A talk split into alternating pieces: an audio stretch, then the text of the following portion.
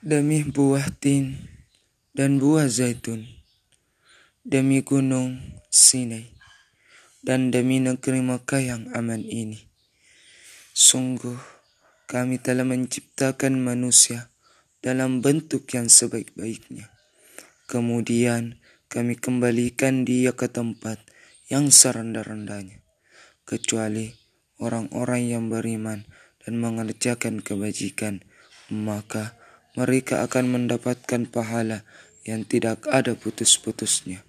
Maka, apa yang menyebabkan mereka mendustakan tentang hari pembalasan setelah adanya keterangan-keterangan itu? Bukankah Allah hakim yang paling adil?